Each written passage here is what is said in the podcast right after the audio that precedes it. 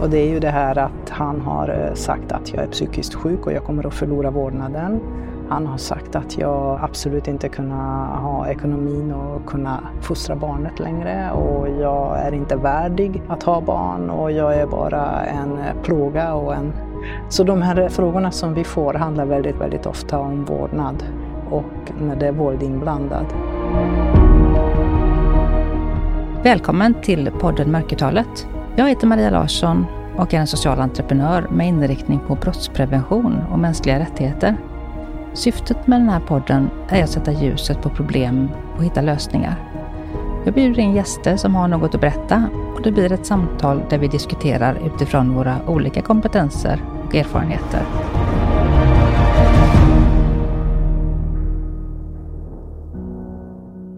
Varmt, varmt välkomna till säsongstart och säsong nummer tre. Det är helt amazing att jag har lyckats att få ut 29 avsnitt hittills. Och eh, jag vill tacka alla som har medverkat hittills och ett ännu, ännu större tack till alla er och dig som lyssnar och följer Mörkertalet varje vecka med poddavsnitt. Och mm, följer på sociala medier och alla ni som har faktiskt betygsatt Mörkertalet som podd på de här poddapparna. Det är tack vare er som fler hittar till podden. Så varmt tack för det. Och jag är så stolt och glad över att jag lyckas genomföra det här med att starta en podd som jag då har funderat på i två år tidigare och eh, varit väldigt rädd för. Jag har ju dessutom mikrofonrädsla.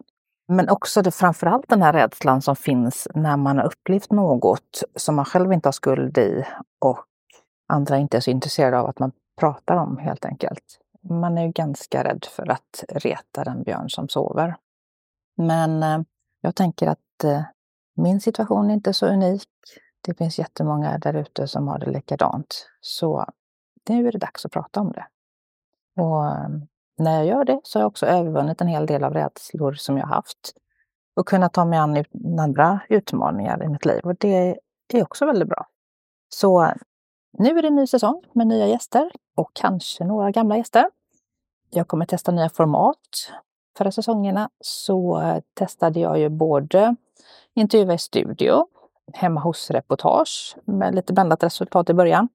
Och jag har ju testat att vara på mässa både Bokmässan, där jag gjorde samtidigt ett socialt experiment med att klä ut mig i en blodig sönderriven blodklänning, sminka blåtira och gå runt och intervjua personer som var i montrarna. Men ehm, ja, det var superintressant och jätte, jättespännande, så det gör jag gärna om igen. Nu eh, kommer det att bli ja, men lite samma format, men jag kommer ge mig in och testa något nytt som jag kanske inte ska prata om nu faktiskt. Ehm, så ni får, ehm, det blir lite cliffhanger. Det blir ett helt nytt format som jag inte har sett i några andra poddar heller direkt. Men det kommer kräva ganska mycket av mig så att jag vågar inte riktigt eh, berätta om det ifall jag inte skulle lyckas genomföra det. Men skulle jag lyckas med det, då kommer det definitivt att föra om det, för det kommer bli en kioskvältare. Så. I pipen nu så ehm, jag har påbörjat en PTSD-behandling för mig själv. Och jag spelar in de sessionerna. Jag har alltså funderingar kring att släppa min PTSD-behandling som poddavsnitt när jag är färdig med dem. Och det är inte för att mitt liv är så otroligt intressant och speciellt och unikt, utan tvärtom att det är ganska allmängiltigt. Att mina trauman och rädslor är ju ja, väldigt likt vem som helst. Och när jag har diskuterat det här med min psykolog så har vi liksom pratat kring vikten av eller värdet av att eh, just göra sådana här typer av behandlingar allmänt så att fler kan lyssna. Kontra då varsamheten och omsorgen om mig och hur jag mår och hur jag har det. Men vi har landat, eller jag har landat, eh, i att vi spelar in alla sessionerna. Sen eh, när behandlingen är färdig så funderar jag kring om det här var en bra grej. Lyssnar igenom, ta bort sånt som inte är så intressant och sänder det, om det känns bra. Och givetvis så kommer ju även min psykolog att vara med i den processen då och få lyssna och se och att det är bra och etiskt rätt. Så. Men jag tror att det faktiskt skulle kunna hjälpa väldigt många att få veta hur det går till med behandling, få höra att eh, din smärta, min smärta är det är samma. Vi funkar på samma sätt. Om jag kan bli hjälpt så kan du bli hjälpt. Så jag hoppas och tror att det kan bli så. Att jag kan sända det. Nytt framåt är också att podden kommer att sändas varannan vecka istället för varje vecka. Och detta är tills eh, jag får sponsring på plats. För det kostar nämligen väldigt mycket att eh, både tid och resurser för mig och pengar att eh, spela in de här avsnitten, få dem på plats. Så tills vidare så behöver jag göra det varannan vecka bara. För jag behöver få mat på bordet och andra saker i mitt liv. Men vill du hjälpa till att få sponsring, att jag får sponsring till avsnitten, så hör av dig till nätverk eller organisationer eller företag som du tänker att men de skulle kunna vilja stå bakom och sponsra ett eller flera avsnitt eller hela säsonger. Men även du som privatperson får gärna hjälpa till med det du kan. Och tack ni som hittills har sponsrat med, med medel ifrån era plånböcker. Och då kan man göra det på Swish 1234 63 73 10. Och allt som samlas in där går direkt till podden. Man kan även sponsra månadsvis via Patreon. Och då sätter man upp sig för, det finns olika nivåer att välja på, hur mycket man vill och kan avsätta. Stort, stort tack för det. Dagens avsnitt det blir ett studiebesök på en kvinnojour där föreståndaren under många, många år har kämpat för att man från samhällets sida ska flytta på förövaren istället för att kvinnor och barn ska behöva fly sina hem. Och det kan man ju verkligen undra, för den diskussionen inte har förts på en högre politisk nivå faktiskt.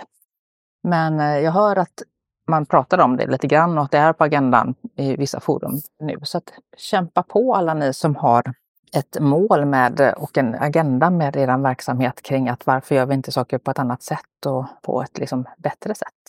För jag tänker att så småningom så kommer det rätt tid för allting. Allting har en tid och allting har en plats. Så varmt välkommen att lyssna på dagens avsnitt. Så kära lyssnare, nu är jag på jag är på vift den här veckan. Jag ska på ja, kundbesök kan vi väl kalla det kanske. Är i Ystad och ska besöka Frizonen, en kvinno och brottsofferjour. Och träffa föreståndaren där. Ska vi se om hon är på plats. Hej! Här är det ju! Välkommen! Tack! Susanne, trevligt! Ja. Tack för att jag fick komma. Så fint att du kom. Ja. Ja, vi har ju ett väldigt litet lokal. Nej, men, men... Vad, fint, vad fint ni har det. Vad, vad, det ser ju verkligen hemtrevligt ut. Ja. Det är ju inga, inga vibes av institution utan väldigt Nej. hemtrevligt. Mm. Så här är vi, liksom sen otroligt länge. Mm. Vi har ju funnits sedan 91 och vi startades eh, först utav en polis. Eh, och vi satt ju faktiskt i polisernas lokal här i Ystad. Mm. Men det var inte riktigt hållbar. Mm. Så efter bara någon månad så fick vi ett eget lokal. Men vi har, inte, vi har varit här i kanske 15 år. Mm. Nu har vi slagit oss ner i en soffa och byggt en koja över oss här så att vi kan få bra ljud hoppas vi. Vi fick en lite flygande start där när jag kastade mig över dig i dörren. Men det var kul att se lokalerna.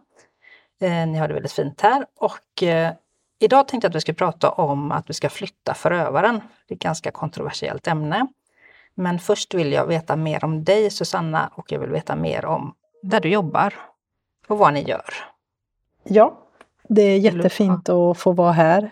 Tack för att jag får möjligheten att vara med i den här eh, livsviktiga podden som du har, som faktiskt kan rädda liv.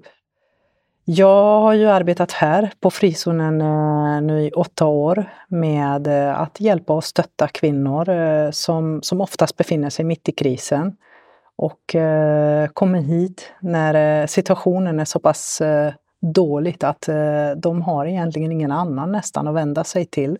Många gånger kommer kvinnorna när de är eh, inne i tankarna att de vill lämna relationen men de är otroligt rädda och eh, vågar inte ta steget. Vilket beror naturligtvis på normaliseringsprocessen. Så jag arbetar med dem på daglig basis med, tillsammans med mina kollegor i vår jour, Frizonen som är landets största kombinerade jour. Vi är alltså både en brottsoffer och en kvinnojour, sen är vi också en ungdomsjour. Jag själv har eh, min bakgrund inom näringslivet där jag har arbetat i ja, 26 år ungefär i olika ledande positioner och senast som eh, verkställande direktör på ett konsultföretag inom IT-branschen. Och eh, när man tänker på vem är jag? Jag tänker, jag är ju snart färdig kognitiv beteendeterapeut, går fjärde termin. Så jag ska kunna hjälpa kvinnorna ännu mer. Jättebra. Alltid bra att få lite så här bakgrund eller vad ska jag säga, vem är du? Så. Mm, mm. Jag tänkte på, hur, hur funkar det här med kvinnojour?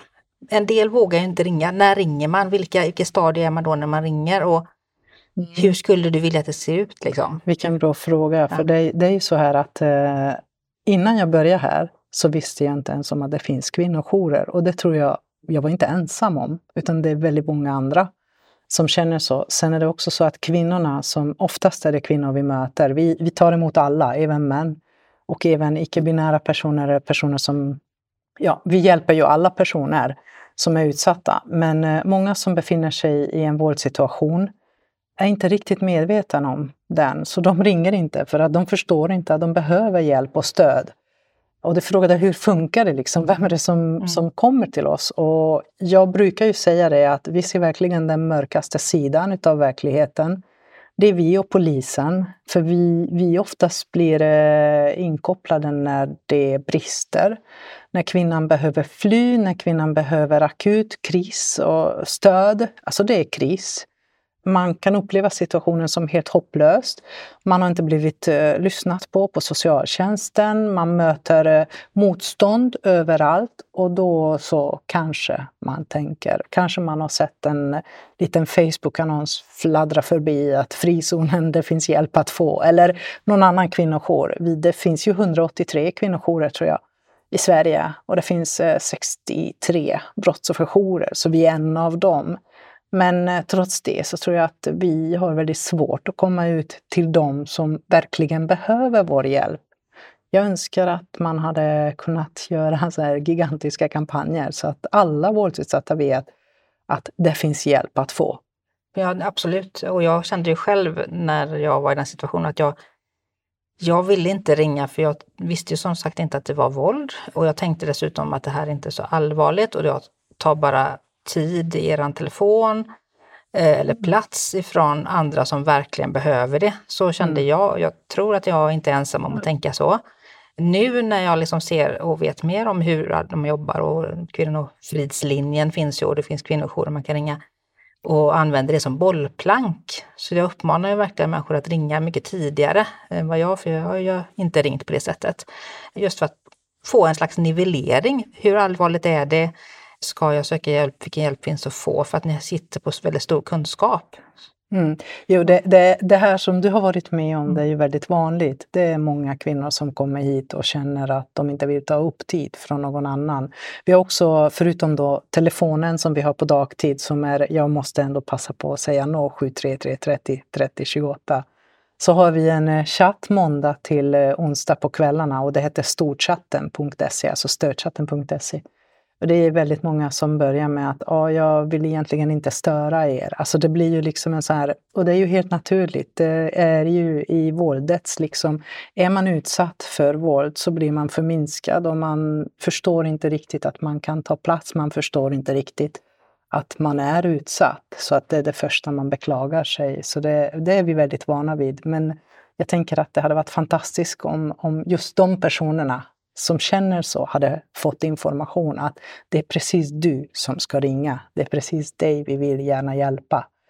Sen nu när jag är inne på chatten så tänkte jag bara berätta också om eh, juristchatten. Det har vi också startat, juristchatten.se. Mm -hmm. Där vi har advokater och eh, jurister som hjälper helt gratis med alla möjliga frågor och funderingar man kan ha under två timmar hur ser den vanligaste frågan ut till mm, juristchatten? Mm. Och det är ju det här att han har eh, sagt att jag är psykiskt sjuk och jag kommer att förlora vårdnaden.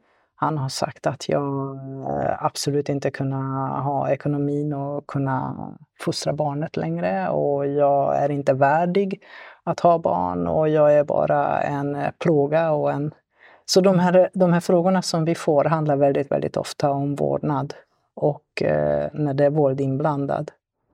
Och till er som lyssnar här så kommer jag att lägga in all information som Susanna säger här i avsnittsbeskrivningen, så ni behöver inte komma ihåg eller skriva upp, utan det kommer. när man kommer hit, man kan ha både telefon och ni har stödchatt. Man kan prata med er och komma hit Mm. på samtal. Och ni har även en buss. Ja. Ja, vi har en stödbuss. Ja, berätta om den. Landets enda har jag förstått. Ja, det, det är jag lite förvånad över att inte fler jourer har tagit efter. eh, För vi eh, köpte ju en begagnad buss efter att vi har varit, vi har fem kommuner, alltså det är Sjöbo, Simrishamn, Ystad, Tomelilla och Skurup. Och eh, vi har en enda lokal, det är här vi sitter nu. Och vi har ju prövat att vara ute på de här kommunerna, så vi har suttit alltså på biblioteket varenda vecka och det var en himla resande för att kunna hjälpa våldsutsatta nära deras hem. Men vi märkte att det här funkar inte att sitta på en bibliotek. Det är offentligt plats, eh, man känner igen varandra på små orter och vi är i sydöstra, det är på landet, på riktigt på landet. Det är känsligt. Även om vi hade eget rum så gick det absolut inte. Och då eh, så kom idén liksom bara att okej, ambulansen kommer när du är sjuk. Varför kan inte kvinnojouren komma när du behöver prata? Så eh, vi köpte en begagnad buss med stöd av Socialstyrelsens bidrag och eh, vi har använt det här nu i snart tre år och vi använder det inte jättemycket för det är de som är extremt utsatta som vi möter upp. Men jag vet att vi har räddat liv och det är ju ett fantastisk känsla. Det är ju det som gör att vi jobbar med det här. Det är att vi vet att vi kan rädda liv. Men det riktar sig alltså till personer som är extremt utsatta, som inte klarar av att komma in eller klar, alltså kan ta sig in hit till oss. Och det är av ren tidsbrist. De är så pass övervakade så att de eh, har inte en timme att sitta och prata med oss och en timme att komma hit och en timme att åka hem. Det är tre timmar. Och då bestämmer vi, man måste ringa oss och vi eh, gör en eh, liten eh, riskbedömning som vi har haft genomgång även med våra närbopsare, alltså polisens eh, brottsoffersamordnare här i sydöstra. Och vi har haft eh, andra säkerhetsåtgärder runt omkring bussen. Men vi gör en bedömning och så bokar vi in en tid och så träffar vi personen framför den lokala ICA eller Coop eller bibliotek eller badhus det är andra bilar också. Och så är bussen är en stor eh, vanlig skåpbil liksom, som ser ut som vilken eh, rörmokarbil som helst. Så sitter vi där och har samtal och de här samtalen är oerhört uppskattade. Många gånger handlar om att man vill gå vidare sen och vi är ju en komplement till socialtjänsten. Så att eh, vi stärker den våldsutsatta för att den ska våga både göra en polisanmälan och ta hjälp av eh, socialtjänsten. Våga lämna. Våga lämna, Ja. våga liksom bryta upp. Men Mm. när det är på bekostnad av ens eget liv så är den oddsen alldeles för hög. Och man måste verkligen göra, säkerställa att allt funkar på vägen. Och det är precis det som inte brukar göra Mm. alltid. Nej, Man måste verkligen göra, alltså få hjälp att göra en liksom riskanalys, Mm. Ja, eh, alltså ja. konsekvensbeskrivning av att ha Ja. en plan A, plan B, plan. C för de olika eventualiteterna så att Mm. man verkligen ser att hur ska det gå till och kanske göra en tidsplan också Mm. för det. Och det finns många delar i det här som man skulle kunna gå in i men jag tror Ja. vi lämnar det där. Utan, men det här är i alla fall en plats dit man kan komma för att samtala och få stöd för att eh, kunna ta vidare steg och också få, tänker jag, få förstå vilken situation man är i. För precis som du pratade om där med normalisering och det gör ju att man inte vet hur illa det är. Eller vad, för man tänker ju hela tiden att det kommer att ordna sig och bara gör lite till, bara jag försöker eller bara det här och det här har hänt eller kommit, då kommer det bli bra. Liksom. Men det, det blir ju inte så. Eh, Utan är man i ett modus här nu där det inte fungerar så kommer det inte fort bli bra sen. Utan det, Nej, tyvärr är det Nej. den vanligaste. Mm. Vi uppmanar alla som lever i en destruktiv relation att man ska lämna den. Mm.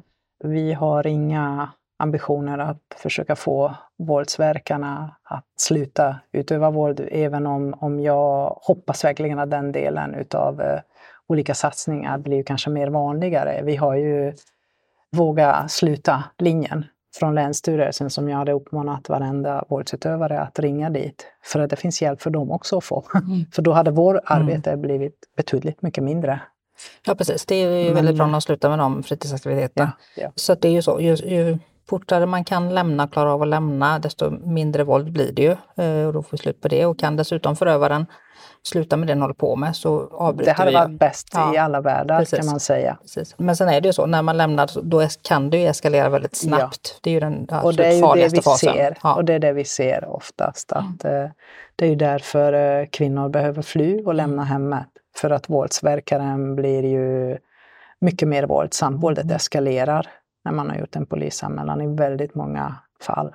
Och eh, eftervåldet är ju så pass påtagligt och de flesta mord som sker idag i Sverige är alltid eftervåld. Mm.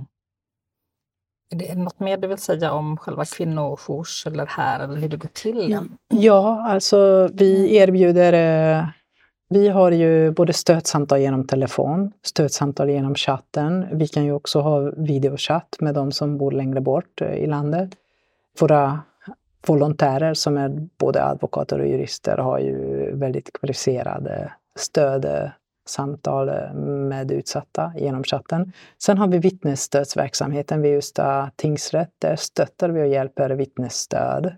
Och även målsägande biträde ibland, eller anhöriga. Det är ju väldigt svårt för många människor att gå in bara i tingsrätten. Det är ju ett väldigt nervöst och laddat situation. Men det som vi gör här på jouren eh, rent konkret och det som är nog den största delen av vårt arbete, förutom då telefonsamtal med personer, det är att vi träffar dem. Och vi har motiverande och stärkande samtal och krissamtal. Och vi följer med till myndigheter, alltså vi kan ju följa med till eh, sjukhuset och besiktiga skadorna om det är fysisk våld. Vi kan ju hjälpa personen och eh, kartlägga vad är det som kan vara stödbevisning. Alltså, har du noterat någon gång när det har varit bråk, har du berättat för vänner? Det finns så mycket olika stödbevisningar som sen stärker själva anmälan och eh, hjälper till att det blir ett fällande dom, inte en friande, som nästan alltid är, tyvärr. Så vi går egentligen ganska systematiskt igenom hur ser personens liv ut? Var någonstans kommer vi in? Vad kan vi göra för att hjälpa henne, alltså det oftast är en kvinna, hjälpa henne att kunna processa vidare. För någonstans, kvinnorna är ju rädda och vill inte göra polisanmälan. Men när man väl har gjort en polisanmälan så får man också en upprättelse även om sen eh, anmälan läggs ner. Eller det leder inte till en mm. åtal, även om åklagaren beslutar att det inte räcker till. Så det är ändå någonting man har gjort och vi brukar alltid säga att det är bättre att göra en polisanmälan för mycket än för lite. För det är också så att när en våldsverkare får eh, flera anmälningar så till slut så kommer den inte att läggas på hög utan den kommer att prioriteras. Men eh, både du och jag vet, jag har lyssnat mycket på dina poddar, att det är, kvinnoärenden är inte högprioriterade, tyvärr. Och det är inte för att polisen inte vill. Det är för att resurserna räcker helt enkelt inte till, vad jag ser i alla fall. Nu när jag är snart terapeut mm. så hjälper jag också kvinnorna som är våldsutsatta med trauma. Och då är det en annan typ av personer som kommer eftersom det är ju inte mitt inne i kris utan det är någon som har haft kanske ett väldigt destruktiv relation, någon som har levt länge i våldet, någon som förstår inte riktigt varför personen har en viss typ av rädsla för en massa saker. Varför personen alltid lägger sig längst bak i kön när den kunde stå längst fram. Jo, men det beror på allt det här destruktiva levnandet som man har varit med om. Man har blivit nedtryckt systematiskt och tillintetgjort. Och det kan man eh, Eh, jag säger inte att man kan hjälpa alla, men min förhoppning är att väldigt mycket kan man göra med kognitiv beteendeterapi som är också underbyggt med forskning och evidensbaserad forskning finns bakom. Att KBT hjälper väldigt många som har både PTSD eller ångest eller depression som är orsakad av våld.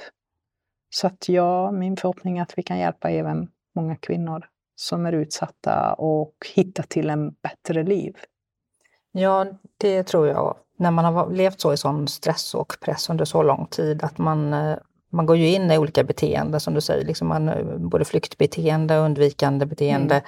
som man då ja, man nästan har odlat då och var tvungen mm. att odla för att, ja, för att överleva. Ja, för att klara. Det var ju den... Eh, och det sätter sig ju i systemet att man mm. inte då, och då behöver mm. man hjälp för mm. att liksom både förstår det själv, att det är så jag gör, det är de här mm. mekanismerna jag går till.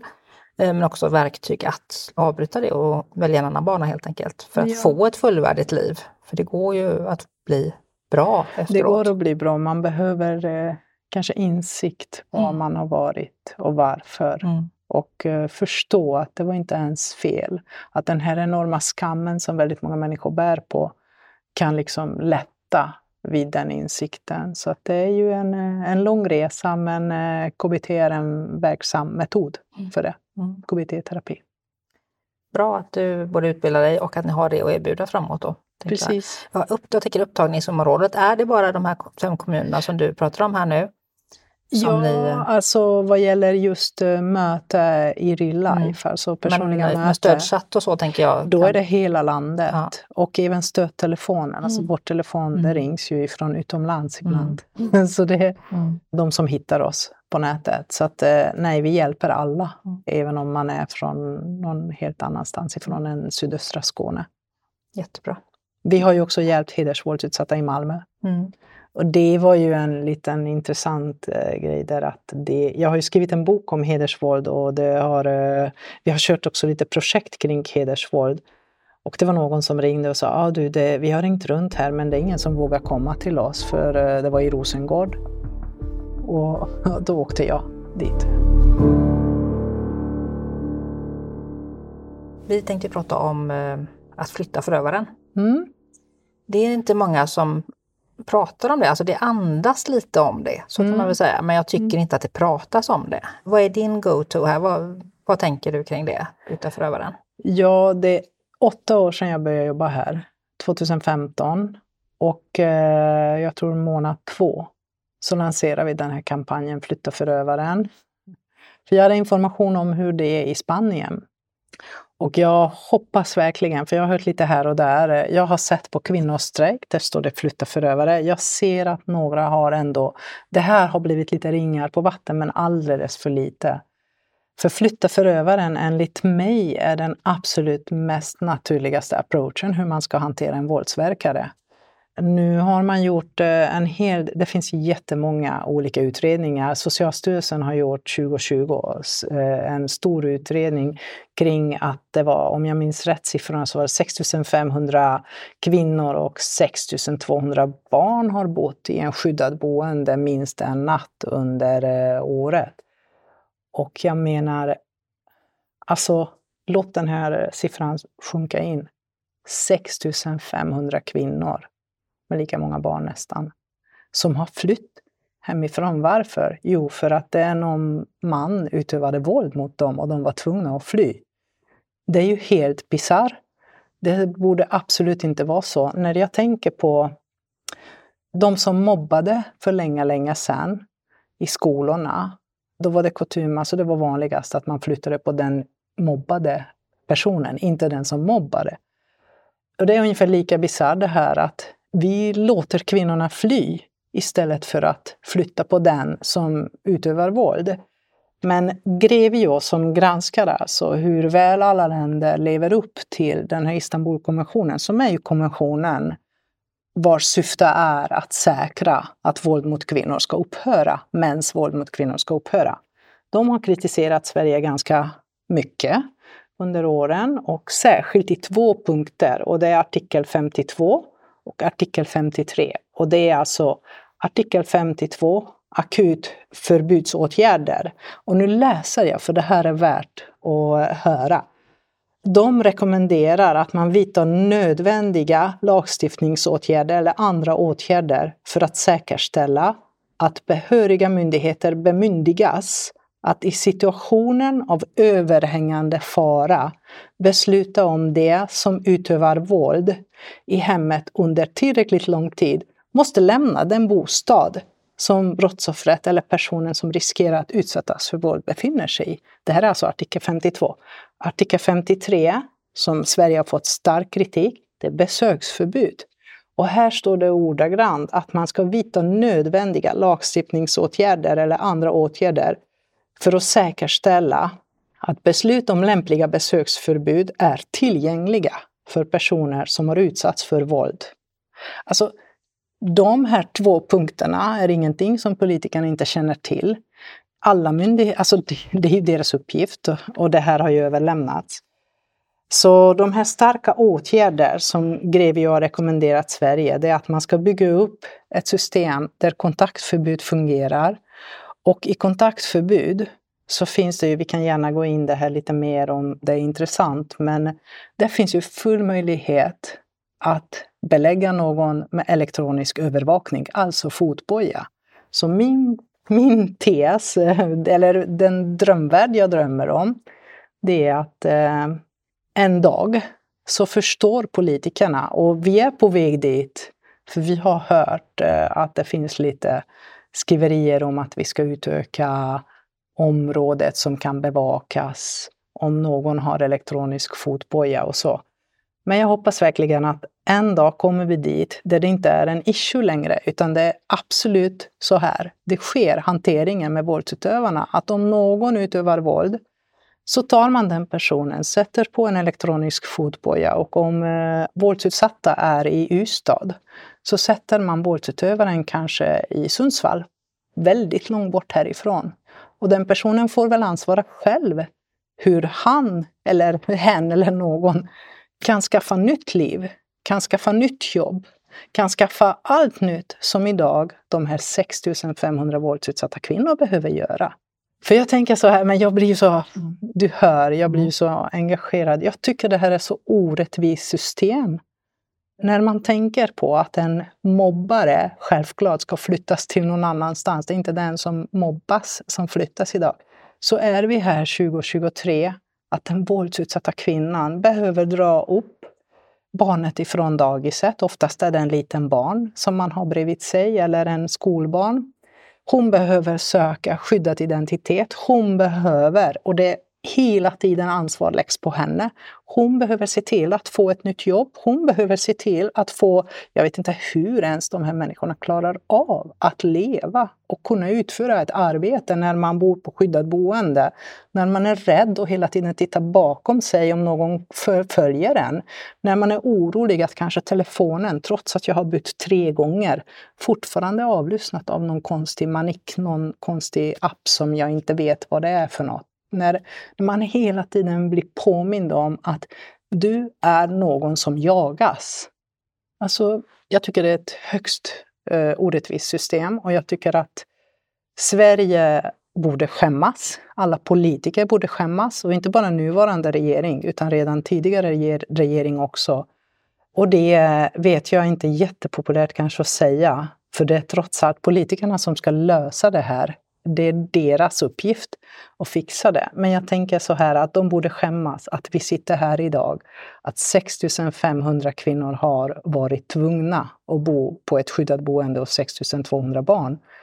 Det är ju 6 500 män som borde vara i någon sorts mansförvaring med sin fotboja.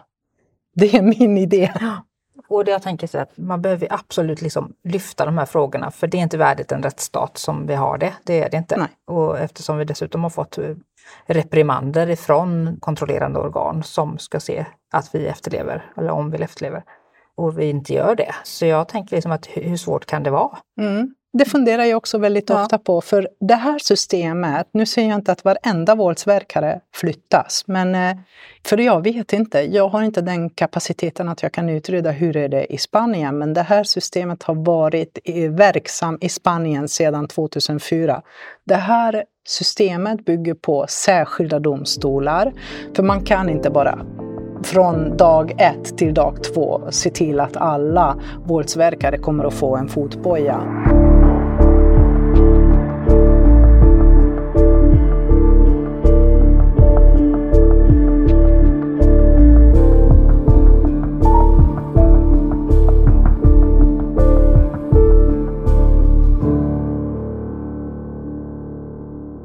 Det här med att vi har fått så mycket kritik då för att mm. vi inte efterlever eh, Istanbulkonventionen då och vi inte eh, ja, men uppfyller den helt enkelt. Mm.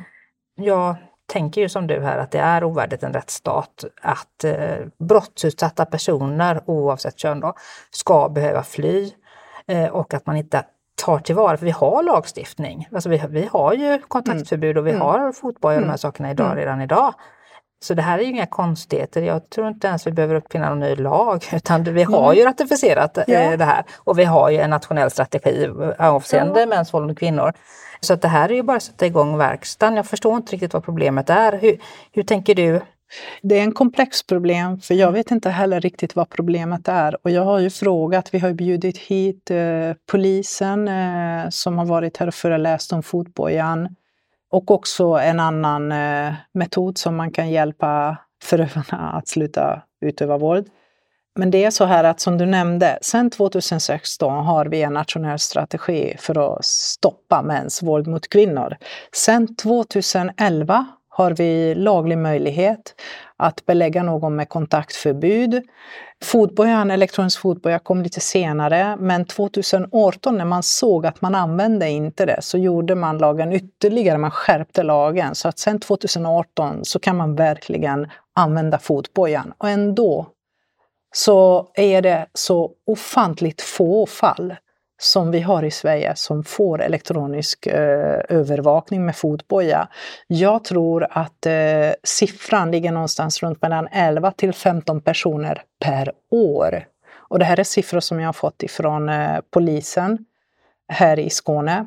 I Skåne hade vi, tror jag, förra året två eller tre stycken fotboja. Och om man nu jämför det här med antal kontaktförbud, vi pratar om flera tusen, så undrar man varför är den här enorma gapet? Och då kan jag nämna också att i Norge så utfärdar man ungefär 100 stycken fotboja varje år. Där går det ju fint att sätta på männen, våldsverkaren och se till att våldsverkaren inte kommer i närheten av kvinnorna. För det är ju det som är egentligen själva hur det funkar. Det är att man har en sändare på sig och så fort man eh, Ja, men den larmar. Det finns ju olika teknik. Men den larmar ju. Och det här tänker jag kanske man kan fråga någon polis hur det mm. funkar exakt så att jag mm. inte säger fel.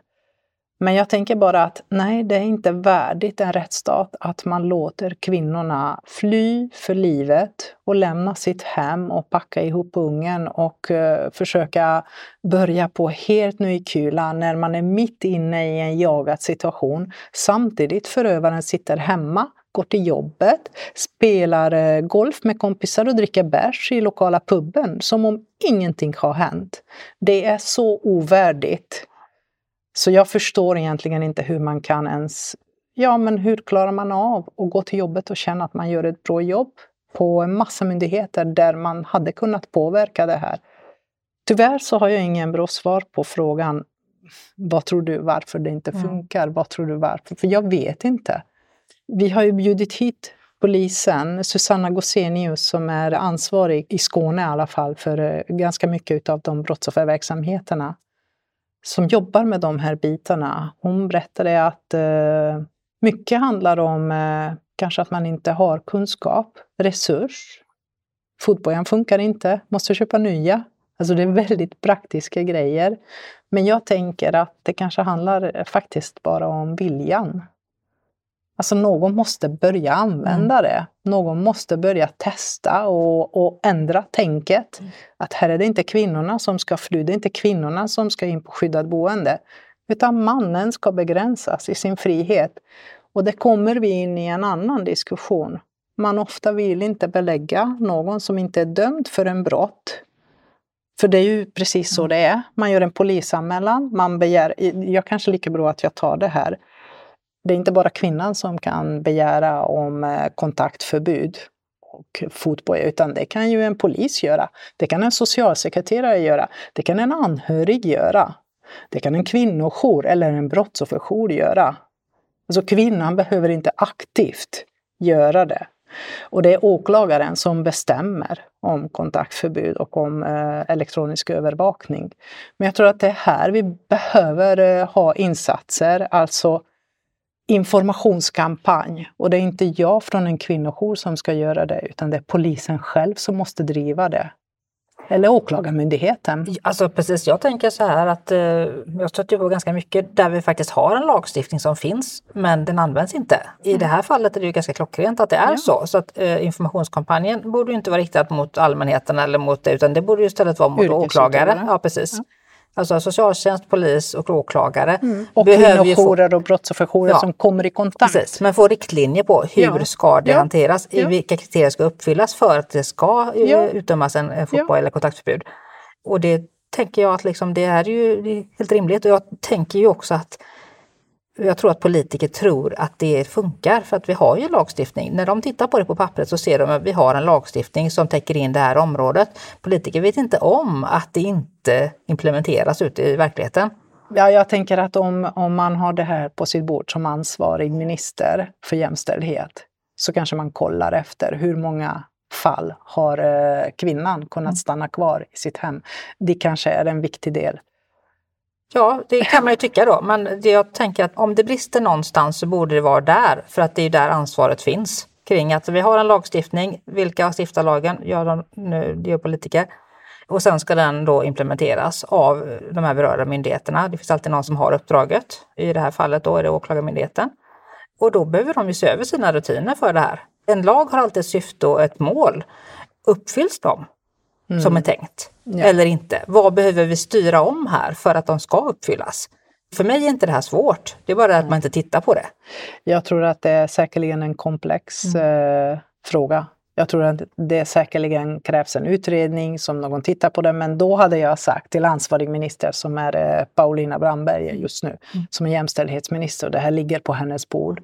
Och hon har ju tittat på det här. Vi, det är ju också så att jag vet, för de har ju haft en information, eh, hon och Ulf Kristersson har ju berättat att nu ska vi titta på att vi ska utöka area för fotboja så att det inte ska gälla enbart en liten, liten del utan kanske till och med en hel kommun. Och jag säger det är fantastiskt. Jag tror, därför tror jag att hon har kollat på det. Och jag säger det är fantastiskt, utöka. Men om den inte används, så vad har arean för betydelse? Nej. Så att kanske börja backa bandet lite grann. Kolla upp varför används inte. Prata med Susanna Gosenius hos polisen i, i Skåne som har varit här hos oss och föreläst för socialtjänsten. Den eh, föreläsningen var väldigt välbesökt. Det var ju väl ett 40-tal eh, olika från landets olika socialtjänstkontor eh, som var med. Så jag menar, det finns ju säkerligen möjlighet att sätta verksamhet på det här. Men, det är klart det gör. Men jag tror att eh, tilliten till varandra mellan myndigheter och så är, är så stor så att man ser inte ens mind the gap, man ser inte gapet. Utan man tänker att ja, men de gör sitt och de gör sitt och, och man tror att alla gör, gör sin mm. grej och sin mm. uppdrag rätt. Och vi har ett samhälle som bygger på tillit, absolut. Men här ser vi ju att det inte fungerar. Alltså vi har ju mm. ett, ett, alltså oerhört många och, och de som kommer till kvinnojourer, det är ju bara toppen på isberget. De flesta kommer ju faktiskt inte ens dit, utan mörkertalet är ju gigantiskt stort här. Mm. För om vi tänker scenariot ytterligare steg fram här då, om vi hade kunnat få en fotboja som var mycket, alltså det var lättare att, att döma ut det. Då hade man ju kunnat hört av sig tidigare, för ju, ju mer saker vi har i samhället som gör att kvinnor kan lämna tidigare, desto snabbare kan vi avbryta våldet. Men man kan känna att man tar de här stegen. För vad fotboja innebär i praktiken, det är ju att du får samhällets godkännande att du lever inte i en okej situation. Det, så här ska du inte ha det, det här är inte okej, det här är inte normalt. Nu vill vi hjälpa dig för att få koll på det här. Kontaktförbud det är ett sätt, att, och verktyg för polisen att kunna se okej, vad händer här? Nu har vi en befogenhet att gå in och säga nej, nej, nej, nu har du överträtt det här kontaktförbudet. För det förstår alla människor som är insatta i det här att det är inte en järnridå som sätts upp utan det är ju ett fysiskt men psykiskt hinder för att söka. Det är ett beslut för, för Ja, men precis. Ja, och det beslutet är ju att du ska sluta med det du håller på med och vi behöver titta närmare på det här. Och om du tänker överträda det här beslutet som vi har satt upp för dig angående kontakt, då kommer vi att granska dig ganska mycket mer. Mm. Eh. Det är ju så att eh, när man överträder en kontaktförbud, och det har polisen berättat, vi har ju haft flera gånger eh, polisen här, som hade föredrag kring det här och det är för att vi vill ju gärna sprida ordet. Men det är ju så att desto fler en kontaktförbud överträds, desto allvarligare kan det bli. Och till slut så blir det ju ett fängelsestraff om man har gjort det tillräckligt många gånger. Men just det här att belägga kontaktförbud med elektronisk fotboja, det är ju det som egentligen Grevio också kritiserar Sverige för, att det här gör vi inte. Och jag tänkte att eh, om vi tar och tittar runt, hur ser det ut i andra delar av världen, så är det här någonting som har funnits i Spanien sedan 2004. Och där i Spanien så har man gått, eh, man kan säga så här, hela vägen fullt ut.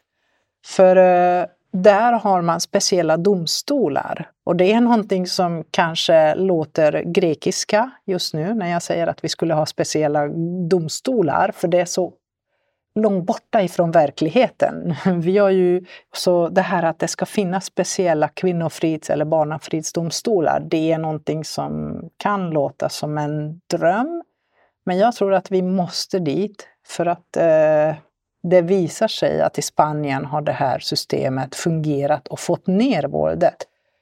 Men de här domstolarna i Spanien kan besluta om ett, tvångsförflytta mannen någon annanstans med fotboja, alltså flytta bort den från hemmet. Så det är kvinnan stannar kvar i hemmet och barnen stannar kvar i hemmet och mannen får bara hitta eh, ett nytt livsstil. Sen kan de också besluta om tvångsvård alltså psykisk tvångsvård. Du ska gå på behandling och lära dig det destruktiva mönster som du är i. Lära, liksom se vad är orsaken till att du är våldsutövare och få behandling. För de här personerna ofta har ju massvis med olika psykiska sjukdomar. Alltså, det är endast, tror jag, 0,2 procent av alla människor som är psykopater. Och det är inte 0, 2 procent som är våldsutövare, mm. utan det är mm. ungefär, eh, ja men om vi säger att det är eh, var fjärde kvinna som någon gång har varit utsatt för våld i sitt liv, så är det åtminstone, kanske inte var fjärde man, för att en man kan träffa ungefär sju kvinnor under en livstid. Men, men det är rätt så många män som är våldsutövare, inte bara psykopater. Så det finns en potential för att kunna hjälpa dem så det är tvångsflytt, det är eh, tvångsvård och det är också olika sociala åtgärder, alltså att om kvinnan behöver ekonomiskt stöd eller så. Så de här domstolarna hanterar hela kvinnans problematik med specialutbildade personer. Och det tänker jag borde vara helt självklart att mm. eh, man packar ihop en liten delegation, åker ner till Spanien och tittar hur funkar det här? Och varför kan de där minska våldet? Men eh, vi i Sverige, som är världens femte mest jämställda land, inte kommit på den här idén än. Låt oss lära hur de gör. Ja, men verkligen så. Ja, men best practice och goda exempel. Ja. Men vi måste ju lyfta det så vi kommer framåt, för det händer inte så mycket i den här Nej. branschen, tycker jag. Nej. Och då behöver vi titta, vi behöver ta väldigt stora kliv framåt på många fronter. Det, finns ju inte mm. en lösning på det här problemet utan det är många saker som måste hända. Mm. Och vi måste tänka nytt och vi måste göra på nya sätt. Eh, för det mm. går inte att förfina det system. Icke-fungerande system precis. kan man inte hålla på och polera. Nej. Det kommer att haverera oavsett. Ja. Och det ser vi, att det inte funkar. När eh, det är nio av tio ärenden läggs mm. ner det är så ser brottsstatistiken ut idag. Jag tänker att det är ju en viljefråga. Så mm. är det ju. Det är ju en viljesak om det avsätts resurser och hur man vill mm. jobba med det och ja. Eh, att man, eh, ja, man tillsätter det som behövs helt enkelt. Mm. Och jag tänker också det att det, alltså forskningen säger att det är 10% som anmäler våld i nära relation. Jag tror i och för sig att det är mindre än så, men det betyder ju då att de 10 procenten då och sen när du säger du då att 90 procent läggs ner av dem, så det är väldigt Otroligt många. Ja, precis. Eh, jag säger också att alla ska polisanmäla som kan, eh, orkar och vill. Inte minst för att polisen ska få mer resurser och åklagare att utreda brott mm. så att du faktiskt kan göra det. Och sen så är det ju tyvärr så att det är de som går till domstol eller blir, det är ju de som faktiskt det finns bevis som kan leda till. Så väldigt, väldigt många. Vi behöver mer kunskap om de andra brottsformerna så att de här kvinnofridsbrott, alltså det här eh, samlingsbegreppet då, blir mycket mer använt, tänker jag. För att det här fysiska våldet finns ju inte alltid och det finns ju inte alltid bevis för det. Nej, men nu har vi haft redan mm. fällande dom på mm. psykiskt våld också och det mm. var ju just förminskning utav, jag vet att jag Jag tänker bara på att ja, det är en stor okunskap mm. många gånger vad gäller olika typer av våld, alltså ekonomisk våld, latent våld, mm. sexuellt våld och det är ju digitalt våld. Det finns ju så mycket stalking, det finns så mycket kring våld mot kvinnor som det här kan rymma. Och det finns ju en, en väldigt svår bevisbörda tror jag också inom domstolarna på grund av att det är ord mot ord och det är ju stödbevisen som kan hjälpa till att eh, våldsverkaren blir ju fälld. Men eh, jag tänker att det har ju varit nyligen ett dom i alla fall där eh, normaliseringsprocessen spelade mm. in och eh, våldsverkaren blivit fälld. Och det kanske är ett, verkligen ett skifte på väg, att man börjar se att våld för det mesta är psykiskt våld.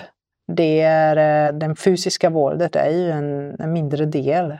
Det är de vanligaste våldstyperna inom våld i nära relation är psykiskt och latent och ekonomisk våld. Om man skulle kunna flytta förövaren, vad skulle hända då? Med? Ja, det är ju som en dröm. Vad skulle hända med kvinnan? Ja, Hon kunde kanske börja gå till en eh, terapeut och börja jobba med sitt mående. Hon eh, hade inte behövt såklart fly. Hon hade inte behövt rycka upp barnen. Barnen hade inte eh, märkt särskilt mycket mer än att sakna kanske pappan för att kanske barnen har varit skyddat, vilket nästan alla kvinnor gör, skyddar in i det sista den våldsverkande föräldern för att skydda barnen. Eh, så barnen hade varit eh, lyckligare. Våld kostar ungefär, eh, nu finns det väldigt många olika siffror, men EIGE har också, Europeiska Gender Institute, har beräknat det här för rätt så länge sedan, att våldet i Sverige kostar 43,7 miljarder miljarder mm. kronor. Det är alltså enorma pengar jag vet inte vad vår försvarsbudget är, men det var någonstans runt 50 miljarder innan. Mm. Nu är det säkert mycket mer. Men eh, bara så att man har en jämförelse. Jag tror att om man hade flyttat nu, jag kan inte säga, jag kan bara drömma. Men jag tror att kostnaden för våldet hade gått ner avsevärt. Alltså våldets kostnad som är ju direkt sjukskrivningar, det är väldigt mycket missade inkomster. Alltså kvinnan kan inte jobba. Det är socialtjänst, det kostnad, det är polis. Alltså det är ju, mm. det är ju, det är ju, det är ju, det är ju regionerna, det mm. är sjukvården, det är, alltså det är så mm. stora kostnader runt omkring vårdet. Jag tror att det hade varit en riktigt bra och lönsam affär för Sverige att börja fundera lite annorlunda. Att eh, göra det enda rätta enligt mig att flytta våldsverkaren och eh, ge kvinnan möjlighet att rehabilitera sig, att bli frisk ifrån det här psykiska lidandet som man har utstått under väldigt många år. För våldsverkarna, ja det är väldigt olika i och för sig, normaliseringsprocesser, hur snabbt det går och så, men det är väldigt vanligt. De vi möter har ju levt flera år i en eh, destruktiv relation. Och då behöver man ha stöd och hjälp för att kunna bygga upp sig igen och kunna lita på sin egen styrka. Men det är lite grann så här, vad skulle du göra om du hade haft en trollspö? Ja, jag hade, jag hade ändrat det. Ja, det känns som att det är en, en väg framåt för att bryta de här sakerna som vi ser i eftervåld och så. Mm. så att det, eh, hade man flyttat förövaren så hade man nog inte fått så mycket problematik efteråt vad gäller kvinnan. Eh, kvinnans eftervåld eller domstolsprocesser och eh, vårdnadsmål och det här. Sen tänker jag också det hade sänkt Alltså det hade bidragit automatiskt, vilket, eh, vilket det har faktiskt gjort i, i Spanien, det har jag läst om, att våldet minskar för att våldsverkaren ser att jag kan inte hålla på och psyka henne. Jag kan inte hålla på och utöva makt mot henne utan att det blir konsekvenser. Jag förlorar mitt jobb, jag förlorar mitt hem, jag förlorar mitt liv. Oj, då var det kanske inte lika kul att hålla på. Mm. Det är alltså, nu säger jag inte att man gör det för att det är roligt, men då hade man kanske insett eh, vikten av att gå och söka hjälp. Särskilt där har de också tvångsvård. Mm. Vilket är ju... Är man, alltså det finns ju flera olika psykiska tillstånd som gör att man blir aggressiv. Och man är inte medveten om det riktigt förrän det är för sent. Nej, precis. Jag tänker att det är väldigt många som har ett förövarbeteende, de tycker att de har rätt att göra det här. De förstår på ett sätt att ja, det är inte godkänt av samhället. De väntar tills de kommer hem, drar ner rullgardinen och på så sätt är det ju i viss mån då alltså uträknat. Eller, eh, mm. Det är inte så att det är i blindo utan det finns ju eh, något slags metodtänk i det här från en förövares sätt. Då. Men det är ändå så att den personen anser sig ha rätt att utgöra den här kränkningen, som det ofta är då. Ja, det är... Eh, för att liksom styra, kontrollera, uppnå någonting eller slippa undan någonting. För det är ju det som våld egentligen syftar till. Ja, det är ju makt det mm. handlar om. Våld är ju makt och det tror jag det är någonting som ni har handlat så många gånger i mörkertalet så mm. att vi kanske behöver inte gå in mm. på våldet. Nej, men, men jag tänker att uh, våldsverkare det finns ju flera olika psykiska tillstånd som bidrar till att man blir aggressiv.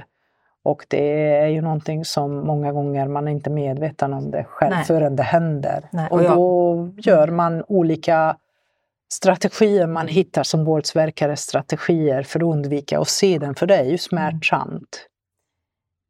Det här var ett intressant samtal. Det var intressant att prata kring just det här, flytta förövaren eh, och mm. Eh, lyfta olika aspekter av det. Så jag vill tacka för det, att du ville delge dina tankar och hur ni har kämpat i många år då i den här mm. frågan. Och jag, jag tror mm, jouren här, de som är med mig, de har gjort det före mig alla år, 32 mm. år tror jag. Mm. Det här har varit liksom huvudfrågan. Ja. Så jag ville tacka själv ja. för att jag fick möjligheten att berätta om eh, en bytt synsätt. Ja, jag tror att vi behöver byta fokus på väldigt många frågor i det här vad gäller mm. våld. Hur och var och varför vi gör på ett visst sätt och hur vi skulle kunna göra istället. Mm. Mm. Stort tack för det här. Vi kommer träffas igen och prata mm. mm. nästa avsnitt. Men tack för idag. Stort tack. Så om du tycker att den här podden är viktig och behöver fortsätta och vill gärna vara med och vara delaktig i det så får du gärna swisha 10 kronor eller vilket belopp du vill till nummer 1234 63 73 10. Du kan också följa mig på Patreon och då kan man betala från 55 kronor i månaden. Eller om du vill ha ett samarbete och du vill att eh, ditt bolag eller vad det nu är för organisation du har ska synas i det här sammanhanget så får du gärna höra av dig till mig på hejmörkertalet.nu och det är mörkertalet med ö så hittar vi en samarbetsform för detta framåt. Varmt tack för detta!